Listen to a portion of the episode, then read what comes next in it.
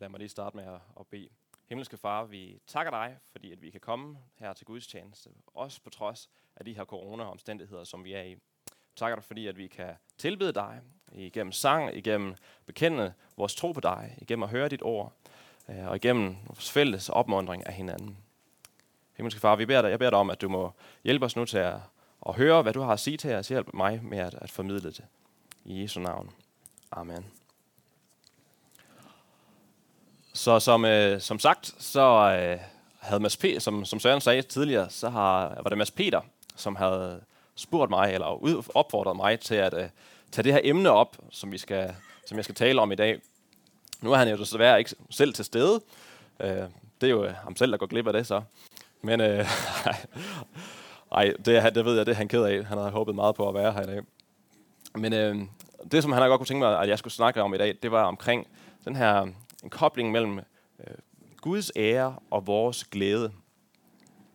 Og øh, det er noget, som han synes, at, at jeg har blevet ved med at vende tilbage til, i, når jeg har i mine samtaler og i prædikener og sådan noget.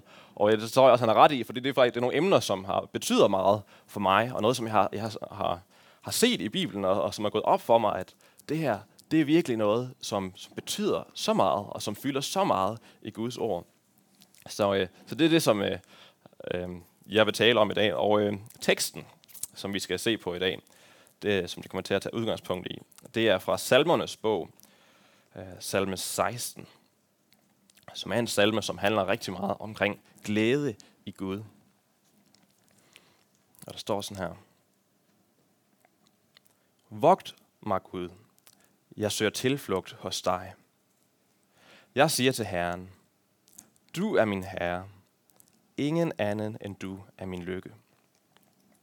De hellige, som er i landet, og de mægtige, glæder jeg mig altid over. De, som løber efter andre guder, rammes af mange ledelser. Jeg vil ikke udgyde deres drikoffre af blod. Deres navne vil jeg ikke bringe over min læber. Herre, du min tilmålte del og mit bære. Du sikrer min lod. Målesnorene tildelte mig herlige steder. Jeg kan fryde mig over min ejendom. Jeg vil prise Herren, som råder mig. Ja, om natten får jeg vejledning i mit indre. Jeg har altid Herren for øje. Han er ved min højre side, og jeg vakler ikke. Derfor glæder mit hjerte sig, og min sjæl jubler. Ja, mit læme skal bo i tryghed. For du vil ikke prisgive mig til dødsriget. Din fromme vil du ikke lade se graven. Du lærer mig livets vej. Du mætter mig med glæde for dit ansigt. Du har altid herlige ting i din højre hånd.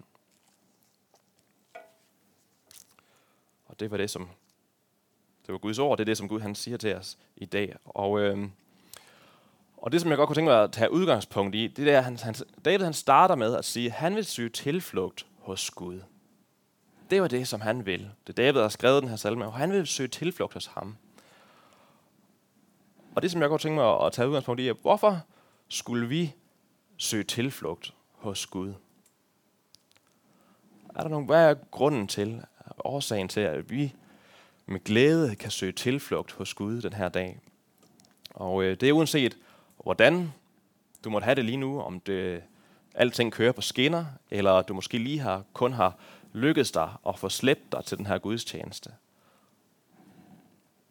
Så er det bedste, du kan gøre i dag, det er at søge tilflugt hos Gud. Og jeg vil komme med tre grunde til, hvorfor at vi skal søge tilflugt hos Gud.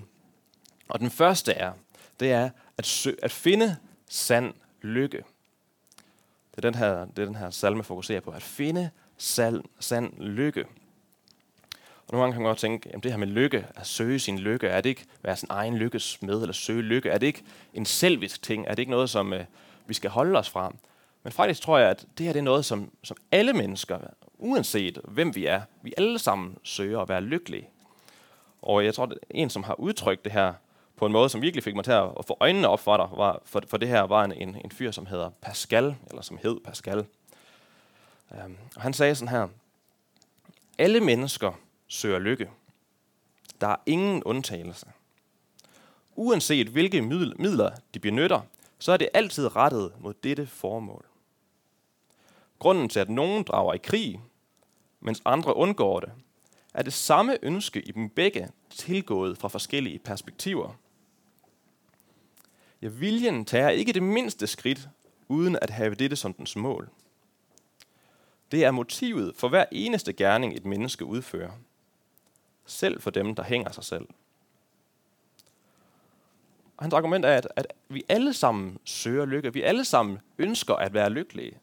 Og ikke bare sådan en, måske en gang, eller en, sådan et stort perspektiv, men hver eneste dag, det som vi tænker på, og det som vi handler ud fra, det er, at vi ønsker at være lykkelige. Og, vi og det er det, som vi, vi alle sammen mennesker har, som mennesker har til fælles. Men, vi, men mennesker søger det her selvfølgelig på alle mulige forskellige måder og forskellige steder. Og det er det, som, som gør os forskellige, øh, gør, at vi handler forskelligt som mennesker. Men, og, men David han siger her, at årsagen til, at han søger sin tilflugt hos Gud, det er, at han er overbevist om, at han har fundet en glæde, som overgår alt andet i Gud selv.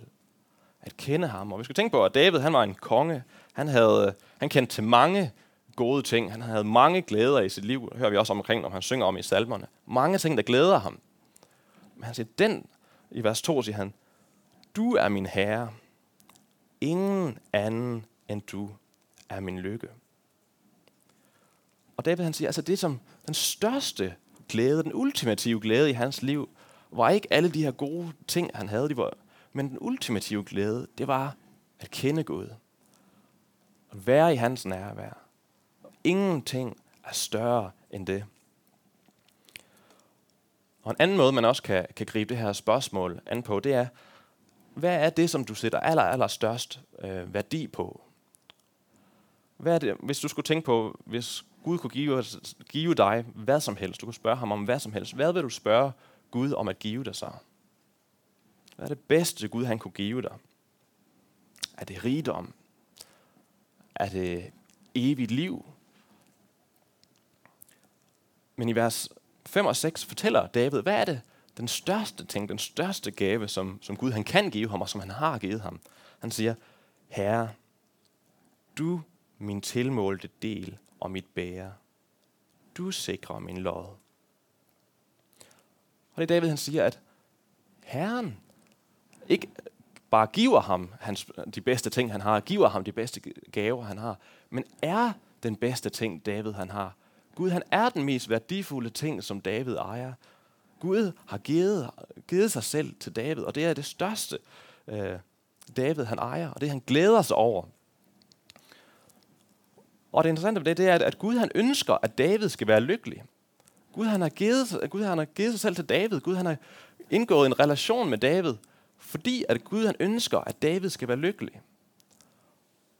Og det er det som ønske, som Gud han har for os mennesker. Han ønsker, at vi skal være lykkelige. Og den største glæde, den største skat, han nogensinde kunne give os, det er ham selv.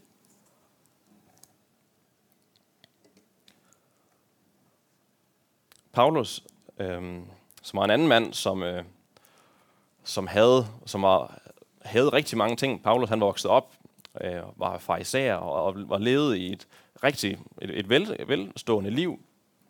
Og øh, på et tidspunkt så skriver han et brev til, til Filipper-menigheden, hvor at, øh, der, er nogen, der er åbenbart nogen, som har anklaget ham for at være en ingen, altså ingen, altså ingen som helst. Altså, hvem, hvem er Paulus? Hvad kan han? Altså, hvad, har han overhovedet nogen status? Hvordan, hvordan kan han tale omkring, øh, hvorfor skulle vi øh, tillægge hans ord omkring Gud nogen værdi? Men Paulus, han, han, han nævner så alle de, den, den der, den status, han har, alle de statussymboler, som han, han kunne prale af. Men til sidst så siger han så, i Filipperbrevet kapitel 3, han nævner alle de her fortjenester, kalder han dem, som han, han kunne blære sig med. Prøv at se, hvor meget jeg har. Så nævner han til sidst, dog, hvad jeg havde af fortjeneste, det, havde, det regner jeg nu på grund af Kristus for tab. Ja, jeg regner så vist alt for tab på grund af det langt større at kende Kristus Jesus, min Herre. På grund af ham har jeg tabt det alt sammen, og jeg regner det for skaren, for at jeg kan vinde Kristus. Så her ser vi Paulus, en mand, som har fundet den største glæde, den største skat i hans liv, var ikke hans status i, øh, som øh, fariser eller hans religiøse øh, i samfundet dengang. Hans største glæde, hans største skat, det som, der, der er ingenting, der kan sammenlignes med, at han kender Gud selv. Han kender Kristus. Og det her også det her spørgsmål med, med at finde, hvor vi finder sand lykke, har også implikationer for, hvad betyder det egentlig at tro på Gud? Hvad vil det sige at, at, at have tro på Gud? Fordi det er jo ikke alle, der tror på Gud. Det er ikke alle, som, som sætter deres håb til ham. Det er ikke alle, der søger tilflugt hos Gud, som, som David gjorde. Det kender vi jo også. Vi har familiemedlemmer eller kollegaer eller venner, som ikke sætter deres håb til Gud. Og det nævner David også her i, i salmen, at der er forskellige mennesker i vers 3 og 4. Der er nogen, som man kalder de hellige. Dem, det er dem, som, som søger deres glæde i Gud. Dem, som har, ligesom David, sat deres håb til ham. Men så er der også andre i vers 4, som han siger, der løber efter andre guder. Der er nogle mennesker, som, som, som søger deres glæde andre steder. Leder efter øh, meningen med deres liv i andre ting øh, end, end, end Gud, som David han, han, han havde fundet sit, sit håb og sit liv og sin glæde i. Og det minder os om, at, at, at tro ikke bare er en, er en intellektuel størrelse. Altså det kan godt være, at de her, der løber efter andre guder, de havde nok også sagt, jamen vi tror da også på, vi tror da også på at, at Jæve eller øh, Herren han findes. Det er ikke bare en intellektuel ting. Og tro det er heller ikke bare en, øh, en, tro, en, en tillid til, at Gud han vil give os gode ting. Det er der mange mennesker, også i vores samfund i dag, der tror, at Gud han er en, giver os gode ting. Men det, som David og Paulus her viser, det er, at, at tro til Gud, når Bibelen taler om at tro på Gud, så handler det også om at finde sin glæde i ham. Dem, som tror på, på, på Gud, er dem, som tror, at der ikke er noget bedre end Gud selv. At han er den største skat, han er den største værdi. Det er ikke altid, vi, vi oplever det, men vi længes efter det. Vi længes efter ham. Det er det, som det vil sige at tro på Gud. Så hvis du søger din tilflugt hos Gud i dag, så er der intet godt, som Gud han vil tilbageholde fra dig. Ingenting, ingen glæde, han vil holde fra dig. Han har givet dig ham selv. Og den anden grund til, at øh, jeg vil opfordre os alle sammen til at søge vores tilflugt i Gud i dag, det er, at, at når vi søger vores tilflugt i Gud, så bringer det ham ære. Det bringer Gud ære, når vi søger tilflugt hos ham og glæder os i ham. Og hvordan bringer det Gud ære at søge tilflugt hos ham? Paulus, eller David han taler her i, i vers 7 om, at han vil prise Herren, altså han vil løfte hans navn op. Hvorfor er det overhovedet relevant at, øh, det her, at, at søge at bringe Gud ære i vores liv? Altså det er jo en ret mod, modkulturel ting at, at ære Gud. Fordi det betyder, at, at vi ser som Gud som universets centrum, og ikke os selv. Men jeg vil gerne forsøge at, at prøve at vise, at, at det at, at ære Gud, er ikke bare det rigtige at gøre, men det er også det, som er bedst for os selv som mennesker. Og det første, som jeg vil nævne, det er, at, at Guds ære og vores glæde faktisk hænger sammen. Et spørgsmål, man kan stille sig selv, hvad er det, menneskets formål er? Hvorfor er vi her? Hvad er formålet med vores liv? Og det kan man selvfølgelig komme med mange forskellige svar på. Men en af de, de bedste svar, jeg har, jeg, har, jeg har hørt, den bedste formulering på, hvad, hvad Bibelen peger på, hvorfor er vi her? Hvad er din mening med vores liv? Det er en, øh, en katekisme. Jeg ved ikke, de fleste har måske hørt om, om Luthers katekisme, sådan en, øh, Øhm, en serie af svar og spørgsmål, som man, man bruger til at oplære børn i den kristne tro. Men i England i øh, 1600-tallet var der beskrevet en anden katekisme, som hed Westminster-katekismen, som de brugte til, deres, til at oplære børnene i, i den kristne tro. Og det første spørgsmål i den her katekisme, det var, på engelsk, selvfølgelig, jeg oversætter det lige med, altså på engelsk står der, What is the chief end of man? What is the chief end of man? Og så svaret, som børnene så skulle kunne recitere tilbage igen, var To glorify God and enjoy Him forever to glorify God and enjoy Him forever. Og på dansk kan vi oversætte det med, altså spørgsmålet var, hvad er menneskets ultimative øh, formål? Hvor til svaret er, at ære Gud og nyde ham for evigt, eller glædes over ham for evigt. Og jeg tror, de her to ting, det er ikke to uafhængige formål med vores liv. Altså at på den ene side, at vi kan vælge, at vi står i situationer, hvor vi skal vælge, enten vil vi ære Gud, eller så vil vi være glade. Jeg tror faktisk, at Guds tanke er, at de her to ting hører sammen. At den måde, vi finder størst glæde på, den måde Gud han får størst ære på, er den samme. Og hvordan hænger de her to ting sammen? Hvis vi tænker på, altså hvis vi ikke, hvis vi ikke som, som kristne, hvis vi ikke glæder os over Gud, eller ikke nyder hans øh, nærvær, eller ikke ønsker at have fællesskab med ham, hvad fortæller vi vores liv så om Gud? Hvis vi ikke har nogen glæde i ham, så får vi ham til at virke utilstrækkelig. Så, så får han, vi til at, Gud til at virke utilfredsstillende, eller kedelig, tør. Men hvis vi, ligesom David og Paulus gjorde, glæder os over Gud, og ønsker øh, og nyder hans nærvær og ønsker hans nærvær, så får det ham til at se skøn og herlig og tiltrækkende og tilfredsstillende ud. Så den måde, vi agerer over for Gud på, påvirker, altså den måde, vi, den glæde, vi finder i Gud, bringer ham stor ære. Og man kan også, jeg tror, den bedste måde, jeg har hørt det her illustreret på, er, fordi vi kender også det her princip fra menneskelige relationer. Altså hvis man nu forestiller os, jeg har, jeg har hørt nemlig en illustrere det på den her måde. Han siger, forestil jer en mand, der kommer hjem fra arbejde til sin kone på deres bryllupsdag. og han har så taget blomster og chokolade med og banker på døren. Og øh, hun åbner op og siger, wow, tusind tak. Det var godt nok sødt af dig. Og smiler i hele ansigtet.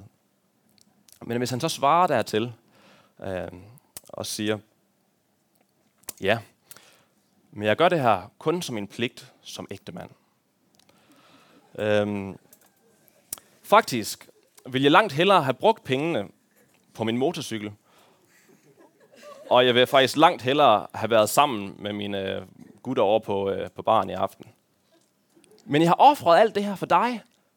Er du ikke glad? Hvad tror du, hun, hvad tror I, hun vil svare? Føler hun sig æret af hans ord. Han har, han har offret helt vildt meget for hende. Det her, som virkelig gjorde ham glad, har han offret for hende. Er det ikke stort? Men vi ved jo, på, hun vil på ingen måde føle sig æret. Der er nok større chance for, at han vil få døren lige tilbage i hovedet igen, end, øh, end, at, end at få lov til at komme med ind. Men forestil jer så, at hvis i stedet for, at efter at have givet hende blomsterne og chokoladen, øh, hun åbner døren op og siger tak, øh, og han så siger, det her er ren og skær min fornøjelse. Der er intet, jeg kunne lave her i aften, der bringer mig større glæde, end at være sammen med dig og bruge mine penge på at gøre dig glad. Gør det ikke en forskel på den måde, at, at hun vil opfatte øh, hans intention med? Og forskellen er den, at i det første tilfælde fandt han ingen, hvor det, han fandt ingen glæde i hende, men han gjorde den samme gerning. Med den anden situation gjorde han den her gerning, fordi han glædede sig over hende. Han øh, ønskede hendes nærvær. Han ønskede at gøre hende glad. Og det her er det jo skal man sige, på mange måder det samme med Gud. Altså hvis vi på ingen måde er interesseret i ham, eller finder ingen glæde i ham, det bringer ikke ham ære. Men hvis vi derimod søger vores glæde i ham, og søger ham som det største, som, øh, som, som, eller som, som David der siger, ingen anden end du er min lykke. Når vi tilgår Gud som vores glæde, så bringer det ham rigtig stor ære.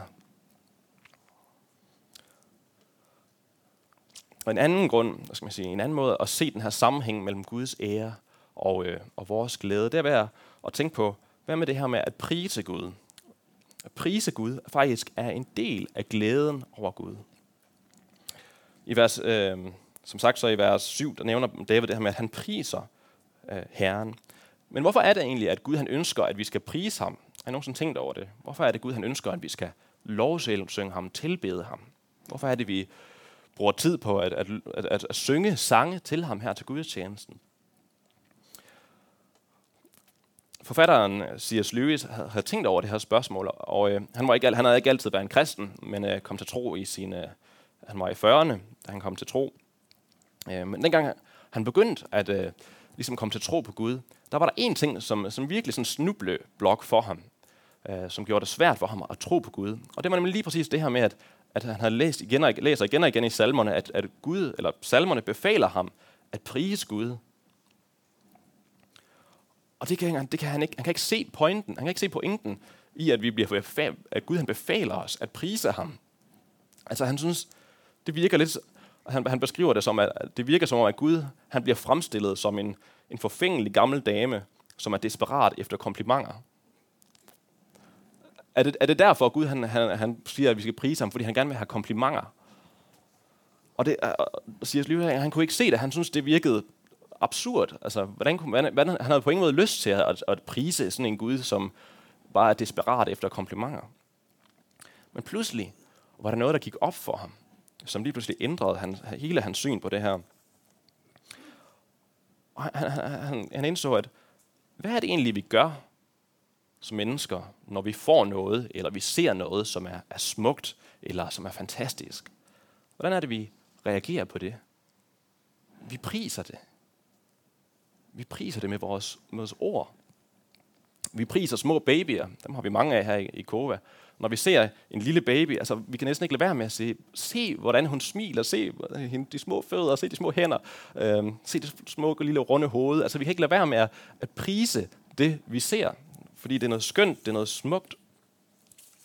Eller hvis vi ser en, en, en smuk solnedgang, og vi står sammen med nogen, altså vi kan, vi kan ikke, det er helt svært at holde det inde i os selv. Altså den her begejstring over det, vi ser, og den skønhed, vi ser, må, må komme til udtryk. Vi er, nødt til at, vi er nødt til at fortælle det. Prøv at se. Prøv at se, prøv at se solnedgangen, hvor smukt det er. Den røde himmel. Eller det måske i sportshallen, hvis vi ser, sidder og ser DM i håndbold, eller whatever, at EM i håndbold, og vi ser Mikkel Hansen lave et perfekt hopskud, hvor den bare sidder lige i, i et perfekt op i det modsatte hjørne, øhm, og øh, det ændrer kampens udfald.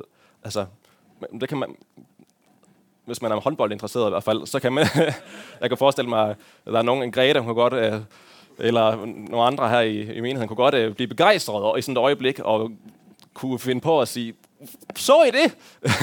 wow, så I, hvad han gjorde? Perfekt skud. Og C.S. Lewis, han, han, han gik videre, og, og han lagde mærke til, vi priser automatisk det, som, som vi finder, finder smukt. Og han sagde så også, videre, han reflekterede videre over det her og sagde, jeg havde, jeg havde, før han kom til, til tro på Gud, så han, jeg havde ikke lagt mærke til, at al beundring og glæde over noget spontant flyder over i lovprisningen. Jeg havde heller ikke lagt mærke til, at det faktisk er de mest ydmyge og afbalancerede og rummelige mennesker, der priser mest, mens det er gnavpotterne og de utilpassede og utilfredse personer, der priser mindst. Jeg havde ikke lagt mærke til, at ligesom folk spontant priser det, de sætter pris på, så tilskynder de også andre spontant til at prise det sammen med dem. Er hun ikke smuk? Var det ikke fantastisk? Og han slutter af med at sige, jeg tror, at vi priser det, vi glæder os over, fordi lovprisning ikke bare udtrykker, men fuldender glæden over det, som vi oplever. Det er dens rette fuldbyrdelse. Når et forelsket par bliver ved med at fortælle hinanden, hvor smukt de er, er det ikke som en kompliment, men det er fordi glæden er ufuldstændig, før den kommer til udtryk. Og det er derfor, at Gud han, så nogle gange, når man, når man læser Bibelen, hvorfor er det, han, han befaler os at prise ham, at ære ham, at tilbede ham? Det er fordi, med udgangspunkt i, i, i det, som vi så på før, at han er virkelig er den største glæde, den smukkeste, den herligste, den bedste øh, væsen i hele universet, som vi kan kende at hvis vi, ikke, altså, hvis vi ikke priser ham, så får vi ikke del i glæden. Hvis vi ikke ærer ham, så får vi ikke del i den glæde, det er at kende ham og, og, og være i hans nærvær. Gud han ønsker, at vi skal glæde os.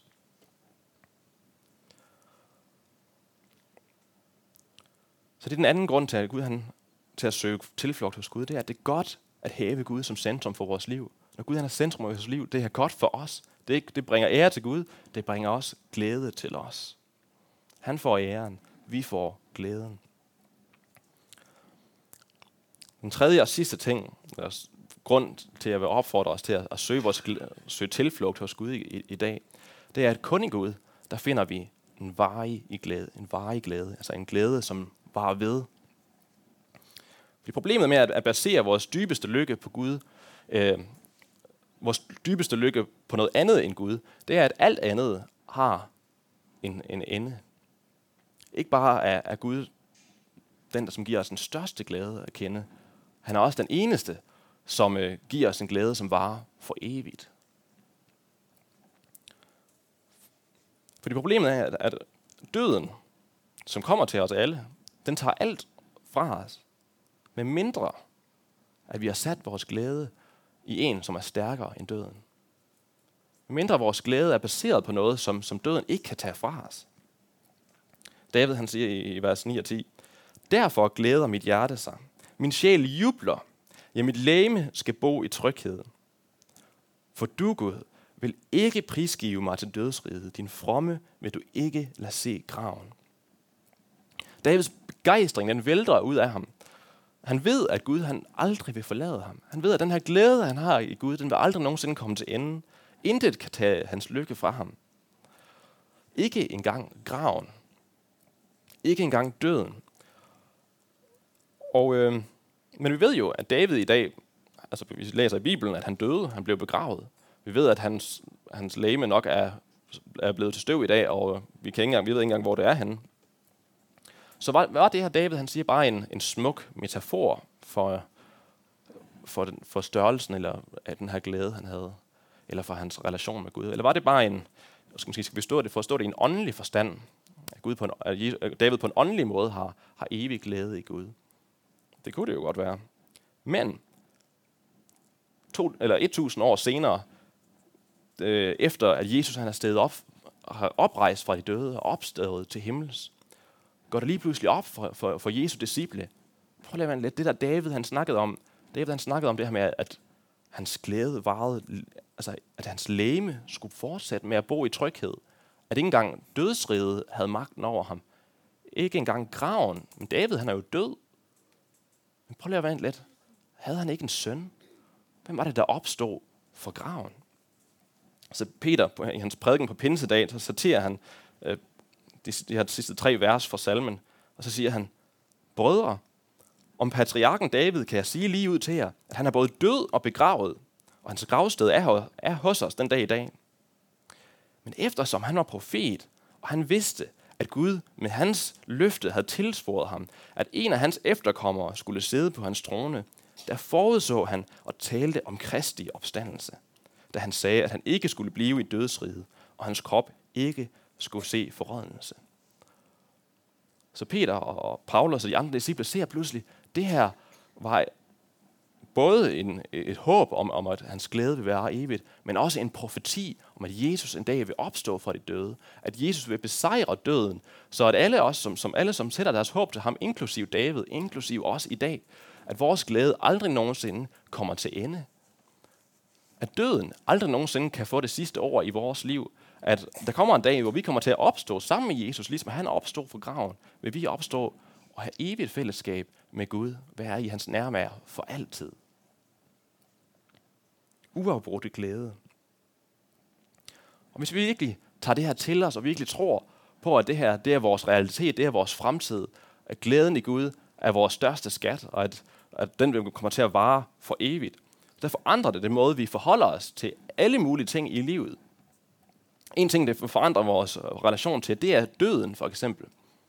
Altså døden, det er det største tab, vi som mennesker kan have. Altså vi mister vores, vores liv her på jorden. Men Paulus, han mener, han, han, når Paulus har virkelig har forstået det her, så siger han, vent lidt, jamen hvis, hvis det her det virkelig er sandt, hvis Gud han er min glæde, så har døden ingen magt over mig. Han siger på et tidspunkt i Filipperbrevet, siger han, til for mig er livet Kristus, og døden en vinding. Døden er en vinding. Glæden i Gud stopper ikke ved døden. Den fortsætter evigt. Den bliver endnu større efter døden, for der kommer jeg til at se Jesus øh, ansigt til ansigt. Wow. Det forandrer, også den måde, vi forhandler, for, for, forholder os til den måde, øh, til vores mission i livet. En, øh, en missionær ved navn Jimmy Elliot i, øh, 1956 var taget sammen med nogle øh, andre, fem andre missionærer ned til øh, Sydamerika for at, at dele evangeliet med en lille bitte stamme, som boede inde i, i junglen, som aldrig havde haft kontakt med omverdenen før. De boede 60, sådan stammer kun på kun 60 mennesker, men de har, de har dedikeret deres liv til, at de ville nå ud med evangeliet til de her indianere. De vidste godt, at de her indianere var berygtet for at være farlige og være meget voldsomme. Men de har dedikeret deres liv. De vil have, at de her mennesker skulle have muligheden for at opleve den glæde, der er i Gud. Og øh, så de havde i mange år, øh, eller jeg ved ikke, hvor lang tid de har, de har brugt mange år på projektet, men havde sendt mange gaver til de her folk og prøvet at, ligesom at oprette en kontakt med dem. På et tidspunkt så øh, tager de her missionærer, øh, fem mænd, øh, fem unge mænd i, i slutningen af deres 20'erne, ind og prøver at, at opnå kontakt, altså menneskelig kontakt med de her indianere. Øh, de lander med deres fly på sådan en strand, og øh, ender med, at øh, de her indianere kommer og er voldelige, øh, og har ikke hvad skal man sige, venligt stemt over for dem. Øh, de har våben med i deres fly, men vælger ikke at bruge dem, og ender med at alle fem blive slået ihjel på den her strand, fordi de ønskede at nå ud med evangeliet til de her mennesker. Øh, men, men ham her, Jim Elliot, hans, hans kone reflekterer over det her, efter det er sket, og siger, det her, det var ikke et tab for, for, for min mand. Det her, det var ikke noget, han var, var ked over at ofre for at bringe Guds ord til de her mennesker. For han, hendes mands livsmotto havde været, han er ikke en tåbe, som giver, hvad han ikke kan beholde, for at vinde, hvad han ikke kan miste. Det var hans livsmotto. Han er ikke en tåbe, som giver, hvad han ikke kan beholde, for at vinde, hvad han ikke kan miste. Han havde det her syn om, om den her glæde, han havde i Gud for sine øjne. Han ønskede at, at tage del i den her glæde med hele sit liv og hele sin sjæl. Og han ønskede, at andre mennesker måtte få den, øh, få den øh, glæde også. Og han var klar til at betale hele prisen for den. Der er, der er ikke noget, vi kan beholde her på jorden alligevel. Jeg, giver, jeg går all in på den her glæde. Og hvordan vil du gå all in på den her glæde? Hvad kan du, hvad vil du øh, gøre for, at, at, at flere mennesker kan opnå den her glæde, der er at kende Jesus? Hvad vil du gå, gøre for, at, at, at få fat i den glæde selv i større mængde i dit eget liv? Det forandrer den måde, vi forholder os til mission på. Lad os rejse os op og, og bede sammen. David han slutter af med at sige, vers 11, Du lærer mig livets vej. Du mætter mig med glæde for dit ansigt. Du har altid herlige ting i din højre hånd. Himmelsk far, vi takker dig, fordi at du er så smuk, så god og så kærlig. Himmelske far, jeg beder dig om, at du må åbne vores øjne for den Gud, som du er, den skønhed, som du er. At du må give vores hjerter sådan en, en smag og en længsel efter dig. Himmelske far, vi, øh, vi ved, at vi har søgt vores glæde alle mulige andre steder, og gør det til delvis også allerede den her dag i dag. Far, for det beder vi dig om din tilgivelse. Men himmelske far, vi, øh, vi vil ikke bare nøjes med, med den, det, vi kender af dig nu kun nu. Vi vil have mere af dig. Himmelske far, giv os mere af dit nærvær. Lad os ikke stille os tilfreds. Lad os gå hele vejen. Lad os kende din glæde. Lad os blive forvandlet af, af din ære. Det beder vi dig om. I Jesu navn. Amen.